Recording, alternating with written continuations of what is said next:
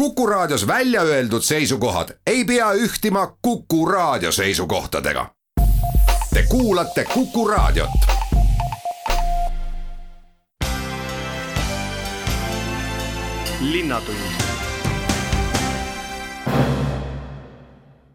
tere päevast, Linnatund alustab.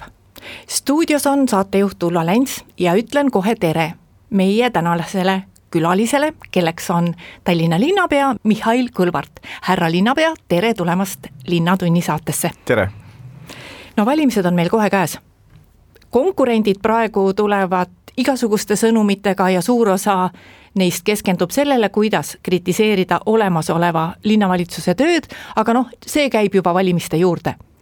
aga mis on teie sõnum uuesti kandideeriva linnapeana nendel valimistel? No tegelikult ma olen nõus, et see mm, protsess on äh, esiteks äh, normaalne enne valimisi ja teiseks äh, tegelikult ju positiivne. ühiskonnas tekib arutelu, mis peab edasi viima.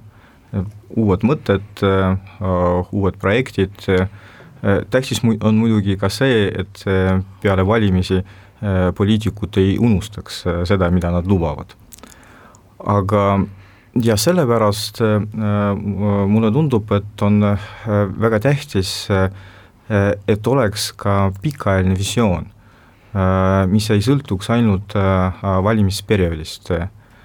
ja võib-olla see oligi üheks minu suuremaks prioriteediks algusest peale ja sellest ma rääkisin juba kaks ja pool aastat tagasi, kui astusin ametisse, et äh, linna juhtimisel ja üldse avalikul sektoril äh, peab olema pikem ja laiem visioon.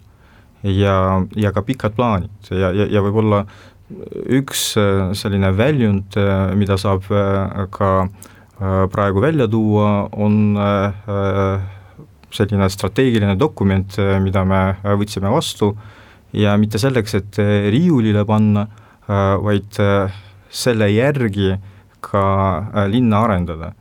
Äh, see on meie linnastrateegia kaks tuhat kolmkümmend viis. ja no muidugi selleks, et äh, plaane ellu viia, selleks peab olema ka loodud vastuste struktuur.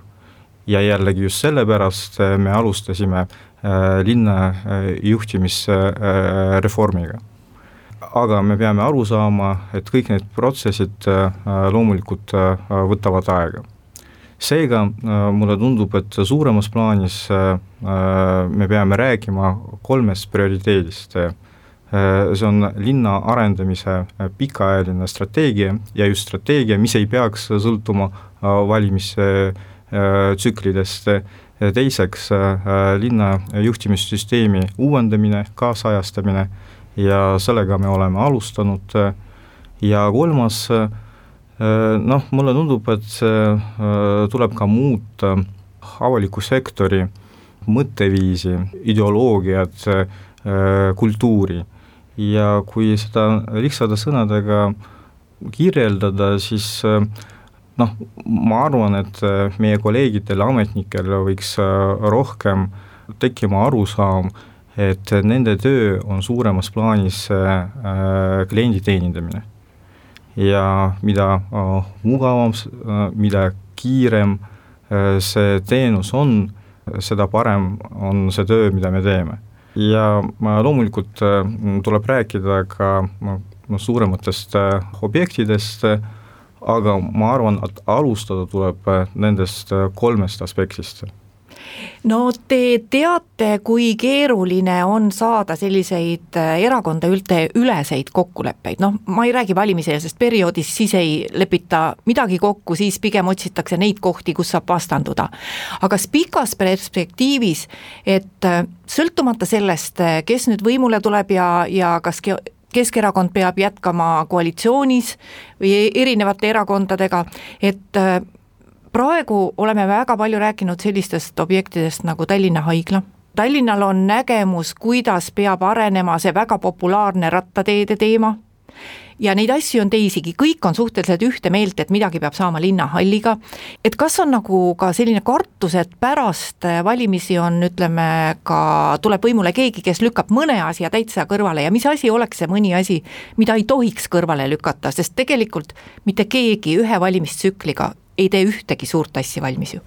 jaa, loomulikult äh Äh, me loodame, et äh, sõltumata sellest, äh, kes valimi-, valimisi võidab, suuremad asjad liiguvad edasi. nii linnasüsteemi reformi puhul kui ka suuremate objektide planeerimise ja ehitamise osas. ja võib-olla selleks, et meil tõepoolest tekiks see ühine visioon, Äh, ma lubaks endale natuke seda visiooni visualiseerida, et äh, see ei ole äh, linna arendamise strateegia kirjeldamine, vaid ainult ühe osa visualiseerimine, et siis võib-olla tekiks ka selgem arusaam, et mida see laiem visioon tähendab näiteks linnaruumis. mul on üks näide, mida mulle meeldib välja tuua mis on äh, äh, ühest küljest unistus, aga teisest küljest äh, väga konkreetne plaan. et alustame Pirita teel, et lemmikkoht paljudele tallinlastele ja me juba praegu näeme, et see vajab renoveerimist, et sellega tuleb tegeleda. ja see plaan on juba olemas, juba tegeleme projekteerimisega. üle teed on ka üks äh, monumentaalne mälestis, mis vajab samamoodi renoveerimist, ka selle osas meil on plaane. nüüd äh, liigume äh, Reidi tee suunas, paljudele tallinlastele jällegi lemmikkoht, me näeme vajadust laiendada seda meelelahutust animatsioonitsooni, sest see on väga populaarne ja inimesi on seal rohkem kui praegu neid võimalusi. ja selle tööga me alustaksime juba järgmisel aastal me liigume Tallinna Sadama suunas ja koostöös Tallinna Sadamaga meil on ka ühisprojekte, kuidas linnaruumi arendada. ja sinna tekivad äh, uued promenaadid, osaliselt juba on tekkinud, kuni linnahallini välja. ja sinna tuleb ka trammitee äh, lennujaamast äh, Tallinna Sadama suunas ja nüüd edasi on linnahall ja selle ümbrus ja pärast kultuurikattel ja, ja, ja nüüd mul on küsimus, kas oleks ju tore, et äh, linn oleks merele avatud äh, ja saaks jalutada äh, Pirita teelt kuni linnahallini ja pärast edasi kultuuri kilomeetri kaudu ja siis edasi Põhja-Tallinna suunas. aga kui me jalutame, siis me saame ka vaadata, kuidas linn areneb mõlemas suunas, mitte ainult mere suunast, vaid ka äh, Äh, vanalinna suunas, et kui me räägime linnahallist, äh, mis äh, peab olema renoveeritud ja see on just sama see objekt, millega tuleb edasi tegeleda ja praegu meil on juba sammud selles suunas tehtud, aga liigume ka vanalinna suunas, mitte ainult mere suunas ja seal on Skoone bastion, mida saab ühendada vanalinnaga ja luua sealt uut, võib-olla kunagi objekti, aga laiemas plaanis seal tekib äh, uus äh, roheline äh, linnaruum, mis oleks seotud ka linnahalliga ja sellega me sidume vanalinna merega. ja, ja ma saaksin niimoodi jalutada päris pikalt ja rääkida nendest suurematest plaanidest, aga liigume korraks Pirita teelt Lasnamäe suunas, meil on lauluväljak, kus me äh, praegu valmistame arhitektuurikonkursi äh, selleks, et luua seda laiema visiooni. Kadriorust Lasnamäe suunas peaks jooksma tramm ja siis me jõuamegi nii kaugele, et see on see koht, kus peab tekkima ka Tallinna haigla ja, ja, ja Tallinna Haigla on üks nendest projektidest, mis on äh, strateegilise tähendusega, mitte ainult Tallinna linnale, vaid äh, kogu riigile. vot seda ma nimetan sellist, et just see on minu arvates selline laiem pikaajalisem visioon, aga ainult üks väike osa sellest me teeme siinkohal oma jutuajamisse väikese pausi ja läheme hetke pärast edasi. linnatund linnatund läheb edasi, stuudios on Tallinna linnapea Mihhail Kõlvart.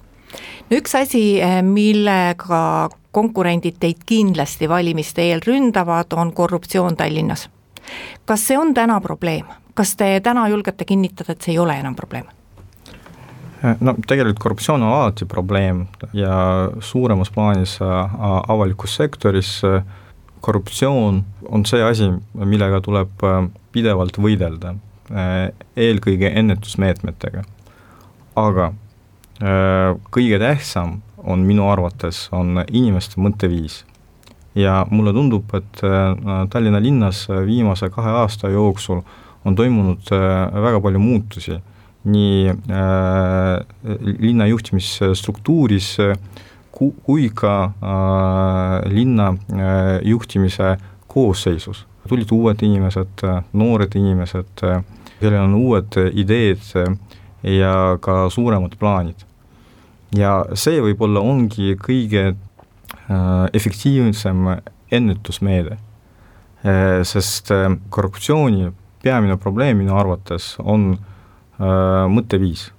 et kui inimene üldse lubab endale sellist lähenemist, et enda töös ta võib mõelda enda kasu ja kasumi peale, siis see on ikkagi ideoloogiline probleem.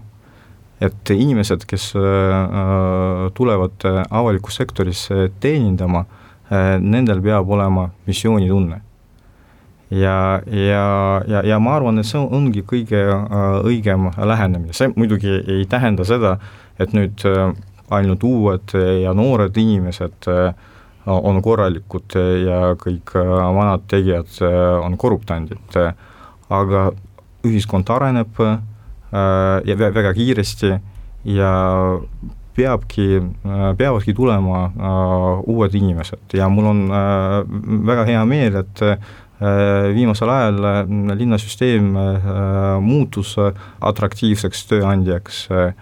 Ja, ja, ja mulle tundub, et meil tekibki see vajalik sünergia nende inimeste vahel, kes on palju aastaid töötanud linnas ja nende inimeste vahel, kes on alles tulnud. ja ma arvan, et tegelikult viimasel ajal äh, süüdistusi linna suunas on tegelikult ju palju vähem no Tallinn on ju üks suuremaid tööandjaid, et see inimeste arv, kellele Tallinn tööd annab, see on ikkagi väga suur, et Tallinn on vaata et Eesti kõige suurem tööandja. et kas te usute, et no ja lõpuks ega ametnikkonna nagu mõtteviisi ümber pöörata, see ei ole mitte päevade töö. et nagu te ütlesitegi, et te tunnete, et äh, paaril viimasel aastal on see suhtumine muutunud, aga te ju ise olete linnasüsteemis juhina töötanud ju rohkem, kaugelt rohkem kui paar aastat. et kas see tänane värbamissüsteem on tõesti selline, et see võimaldab äh, välja valida Tallinna jaoks parimad? ma arvan, et siin võiks välja tuua konkreetsed faktid, et Äh, viimased äh, konkursid, äh, just ühikonkursid, tõid vähemalt mitukümmend inimest. mõnede konkursi puhul see oli isegi nelikümmend, viiskümmend inimest. see tähendab, et inimesed usaldavad, et nad saavad aru, et toimub konkurss, kus ongi võimalik lähtuvalt enda võimekust neid, seda konkurssi võita ja ja me näeme, et äh, tänu nende äh, konkurssidele me oleme ka värbanud äh, inimesi suure potentsiaaliga. noh, sealhulgas ka riigisektorist on tulnud inimesi kogemusega, aga samas ka uute ideedega. ehk siis mulle tundub, et see praktika iseenesest juba praegu näitab, et, et see töötab ja nagu ma ütlesin, et loomulikult tuleb arvestada sellega, et, et see protsess võtab aega. et linnasüsteemis töötab umbes kakskümmend tuhat inimest ja mitte ainult ametnikud, meil on ainult haridusvaldkonnas kuus ja pool tuhat pedagooge, ehk siis loomulikult kõik äh, suuremad või väiksemad äh, muutused äh, võtavad aega. aga siin ei ole ka lõplikku eesmärki, ehk siis see areng on pidev, et kogu aeg toimub kasv ja kogu aeg toimuvad ka muutused. lihtsalt peab olema selge arusaam, kuhu me liigume, mis on need suuremad eesmärgid, siis tuleb arvestada ka, ka sellega, et suuremad asjad võtavad ka rohkem aega me teeme siinkohal oma saatesse natuke pikema pausi. kuulame ära Kuku raadio lühiuudised ja siis räägime linnapeaga edasi. linnatund. linnatund läheb edasi, stuudios on Tallinna linnapea Mihhail Kõlvart ja no ega meil tuleb ju kaunis keeruline sügis jälle, et kõik see koroona olukord, vaktsineerimine Eh, nende inimeste probleemid, kes ei taha vaktsineerida, kohe lähevad koolid lahti, et eh, kuidas te olete praegu rahul sellega, kuidas on paika pandud need uued reeglid valitsuse poolt, mis tähendab kontrollimist, kuidas on eh, paika pandud või kuidas on olemas need võimalused, mis tähendab vaktsineerimist ja kui palju on kohalikul omavalitsusel nagu vabalt võimalik ise veel midagi ära teha, et saada suurem hulk inimesi nendesse vaktsineerimiskohtadesse? no mina näen, et äh, Tallinn äh, algusest peale äh, oli väga aktiivne, et sõltumata sellest, kui palju sai riik äh, algusest peale äh, teha ja suunata, me püüdsime äh, võtta initsiatiivi ja tegutseda operatiivselt, ehk siis kui tuli esimene laine, siis tegelikult keegi täpselt ei teadnud, mida tuleb teha ja mida see tähendab. Aga mulle tundub, et me suutsime operatiivselt reageerida. Ja kui mm, see esimene laine möödus, siis äh, esimene sõnum, mis äh, tuli Tallinna poolt, äh, oli, et noh, väga loodame, et see teine laine ei tule, aga oleks vaja selleks valmistuda ja esimene asi, mida tuleb teha, on erinevate stsenaariumite väljatöötamine ja tegevusplaanide kinnitamine. me se-, sellega tulime välja aasta tagasi püüdsime saada neid plaane riigi poolt, ei saanud, siis panime kokku enda plaanid ja tegelikult see on ka praegu seesama sõnum, millega me tuleme välja, et me soovime, et oleks selgem arusaam nii inimestele kui ka omavalitsustele, mida oodata. et kui olukord halveneb, mis on järgmised meetmed et äh, nii, nagu see oli äh, esimese äh, laine puhul, kahjuks on see ka praegu, kolmanda laine ajal, et me kogu aeg reageerime operatiivselt. et kõik võimalikud meetmed tulevad valitsuse kabineti poolt lähtuvalt operatiivsest olukorrast. inimesed tegelikult ei tea, mis neid ootab. et mis on need meetmed, piirangud, tegevused, halvenemise puhul ja äh, mis on see leevenduste järjekord juhul, kui, olukord hakkab paranema. ja, ja, ja ma arvan, et see on jätkuvalt probleem, et, et see tekitab segadust ja just sellepärast on inimestel ka raskem vastu võtta nagu piiranguid ja uusi meetmeid, sest kunagi ei tea, mis ootab nädala või kahe nädala pärast, mis on need uued otsused et äh, paljudes riikides on juba ammu välja töötatud äh, kõik stsenaarium, stsenaariumite ja meetmete järjekord, nii ühes kui ka teises äh, suunas. ja ma arvan, et see teema on jätkuvalt aktuaalne, et sellega tuleb tegeleda. kui rääkida konkreetsetest meetmetest, et no jällegi, mulle tundub, et Tallinn suutis rakendada väga palju erinevaid meetmeid, sealhulgas ka selliseid, mida ei ole rakendatud riigi tasandil. nagu näiteks esimese haiguspäeva kompenseerimine, rääkimata mm, maskide jagamisest, sotsiaalkampaaniast, oleme vabastanud ka kriisi ajal lasteaia kohatasust, oleme abistanud eakaid inimesi, vähekindlustatud peresid. Ja ma, ma arvan, et paljud omavalitsused olid väga aktiivsed. Mida oleks tõepoolest vaja, võib-olla natuke rohkem toetust riigi poolt. Ja oleks vaja konkreetset plaani, mille järgi iga kord tegutseda. ja nüüd tegelikult vaktsineerimise puhul samamoodi, et ei saa öelda, et ei ole midagi tehtud, tänaseks on juba palju tehtud ja tänaseks on vaktsineerimine kättesaadav kõigile, kes on valmis seda tegema aga siin äh, oleks äh, vaja äh, jällegi minu arvates sellist väga süsteemset tegevuse, tegevust, et võtame järjest valdkonnad, vanused, piirkonnad ja, ja teeme seda plaani järgi. Praegu see minu arvates toimub natuke kaootiliselt, et et me püüame teha igal pool ja igal pool inimesi kutsuda aga tänaseks see, seda tuleb teha äh, kaardistatud viisil, et mm, ja, ja, ja sest see viiskümmend, viiskümmend üks protsenti, mida me saavutasime, me ju saame aru, et seda on vähe. ja, ja siin ka Tallinn püüab olla, olla aktiivne, meil, me oleme seda protsessi aidanud korraldada algusest peale, jah, olime kriitilised, aga olime alati valmis osalema ja aitama. Ja, ja, ja nüüd äh, Tallinnas äh, toimub äh, õpilaste vaktsineerimise kampaania, mis algab sel nädalavahetusel ja, ja kestab siis kuu lõpuni, et Tallinn pakub kõigile õpilastele vaktsineerimisvõimaluse Tallinna koolides koos pereliikmetega Äh, ja me loodame, et äh, paljud inimesed seda võimalust kasutavad no vot, koolid ongi selline strateegiline koht, et haridusminister on siin küll hästi optimistlik, äh, väljastades sõnumeid, et koole ei tohiks enam kinni panna.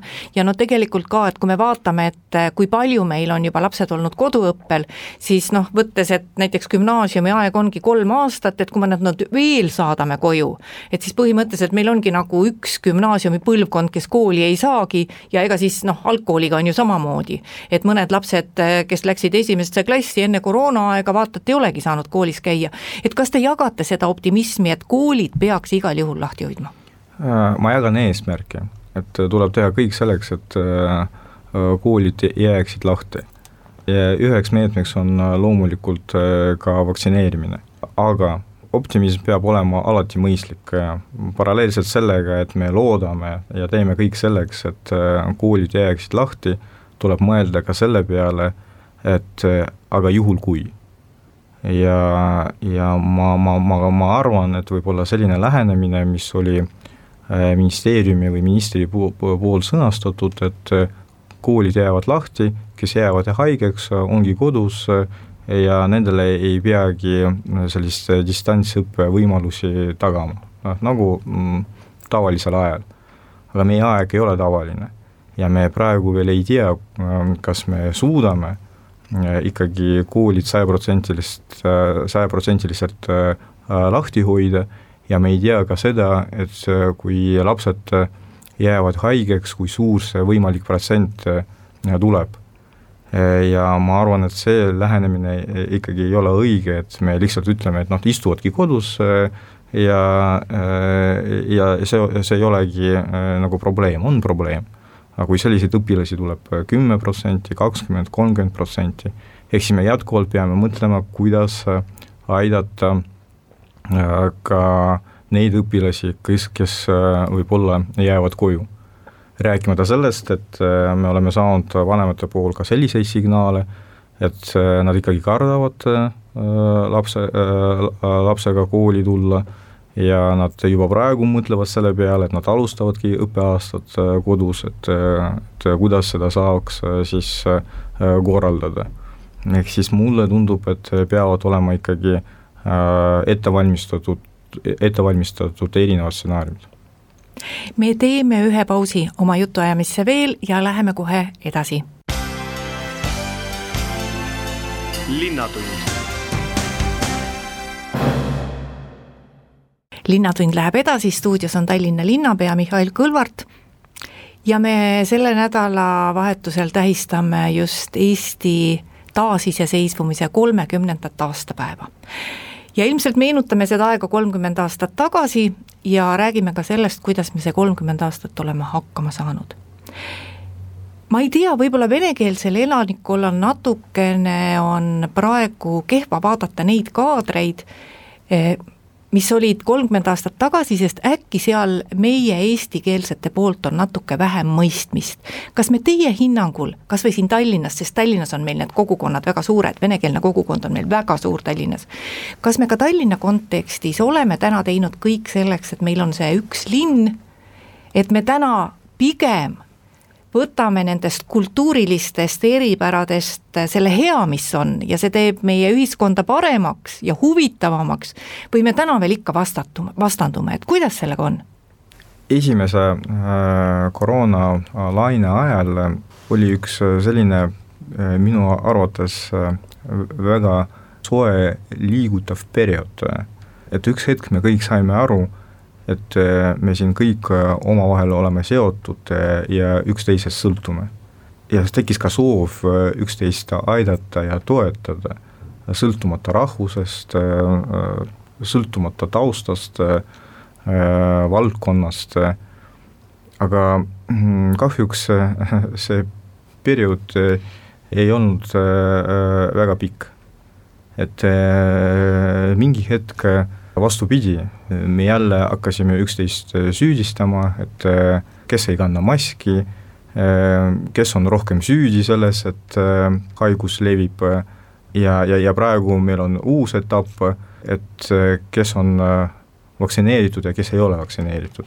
mina arvan, et tänaseks ei ole teist meedet, kuidas sellest olukorrast välja pääseda et äh, see ongi ainult võimalus äh, inimesi vaktsineerida, aga samas mulle tundub, äh, et see ei ole õige inimesi, kes ei ole vaktsineeritud, demoniseerida. Nad on ka samamoodi ühiskonna liikmed, nendel on enda arvamused, enda kartused, enda mõtted, me võime seda jagada või mitte, aga me ei saa teha inimestest äh, vaenlasi, sellepärast et nad mõtlevad teistmoodi, isegi selles kriisiolukorras. ja, ja ma arvan, et see ongi see äh, ühine arusaam, äh, mis meie ühiskonnas võiks nagu tekkida. jällegi, see ei ole ainult rahvuse küsimus. aga rahvuse küsimus, ma olen teiega sajaprotsendiliselt nõus, et kui me käsitleme teisi probleemina, siis nende saabki probleem et kui me saame aru, et inimesed, kes siin elavad, on eh, meie riigi ja ühiskonna potentsiaal, eh, väärtus, ressurss, siis tulebki mõelda, kuidas seda ressurssi, võib-olla kõlab küüniliselt, aga ikkagi, kuidas seda ressurssi arendada.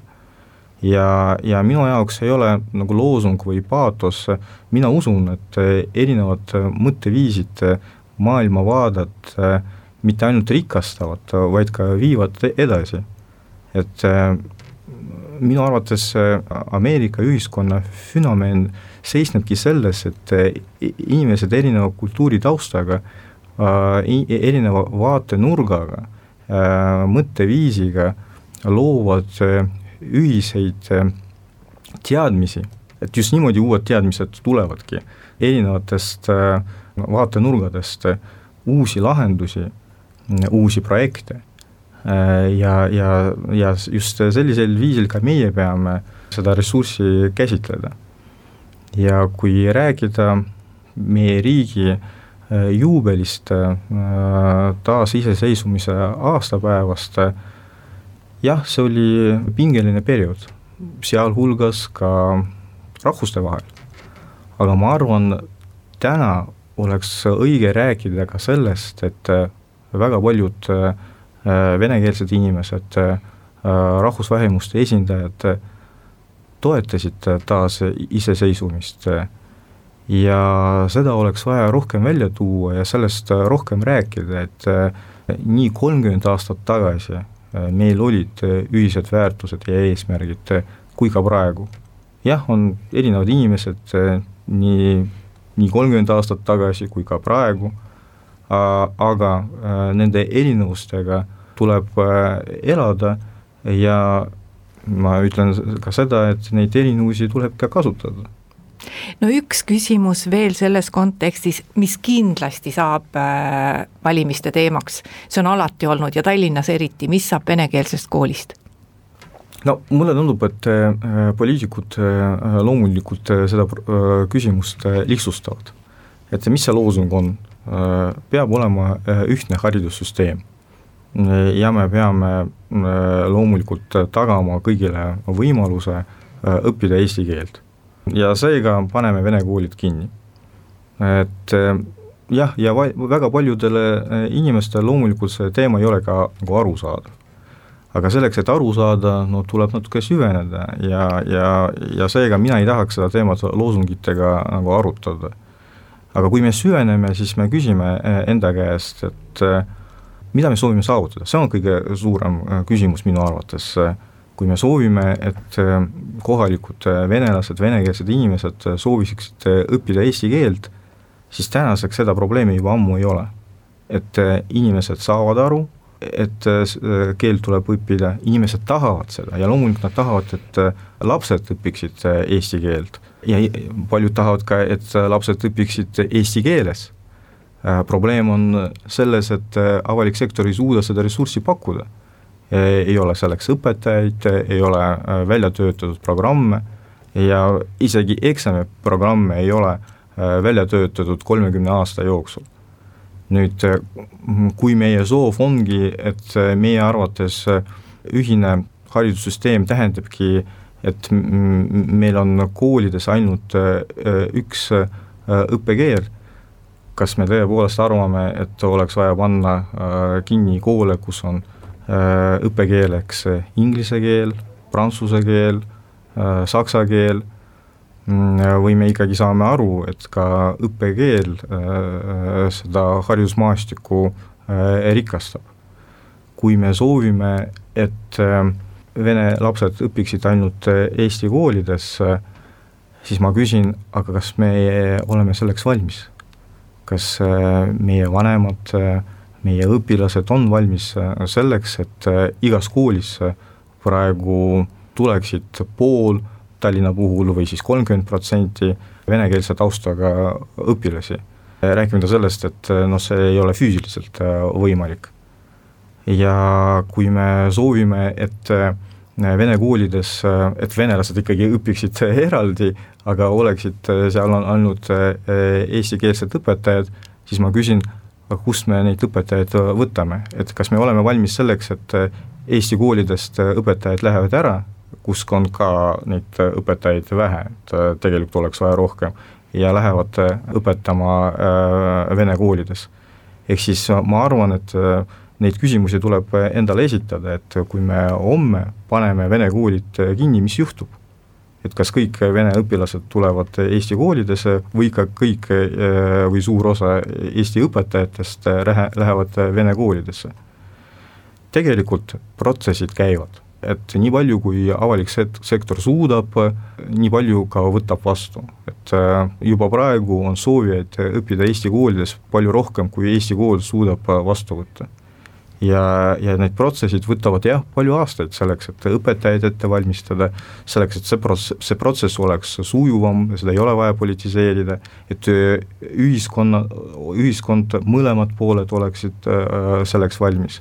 Et seda ei ole, et seda ei ole võimalik ja ei ole vaja kiirendada sellisel viisil, sest äh, äh selline kiirendus äh, hakkab töötama vastupidiselt ja, ja, ja isegi siis, kui meil on sajaprotsendiliselt ressurss olemas, äh, ma, mulle tundub, et ka siis äh, mõned koolid äh, vene õppekeelega kindlasti rikastaksid seda haridusmaastikku.